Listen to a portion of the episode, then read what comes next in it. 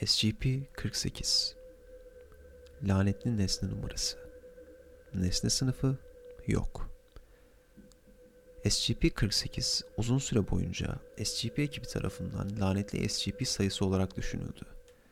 Atanan tüm maddeler genellikle hiç kimsenin bireysel hatası olmaksızın yok edilme, görevden alınma, çalınma veya tüm bunların dışında vakıfta kaybolma eğilimi göstermiştir. Ek olarak SCP-48 için görevlendirilen personel nesnenin çeşitli varyasyonlarında %50 oranda daha fazla ölüm, parçalanma ve disiplin eylemleriyle karşılaşılmıştır. Numara 48'in doğaüstü özelliklerinin olup olmadığı bilinmiyor.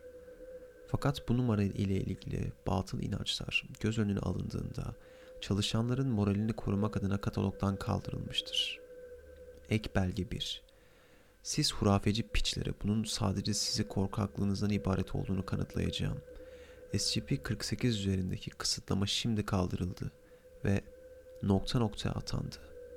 Doktor Cortez Ek belge 2 SCP-48 bu sabah kazara çöpe atıldı ve kayboldu.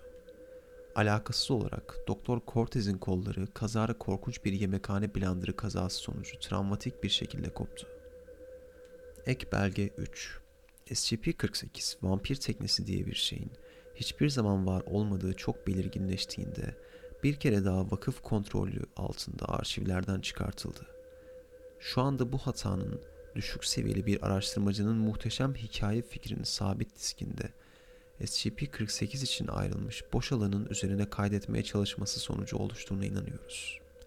Araştırmacı şimdilik tüm arşiv görevlerinden uzaklaştırılmıştır.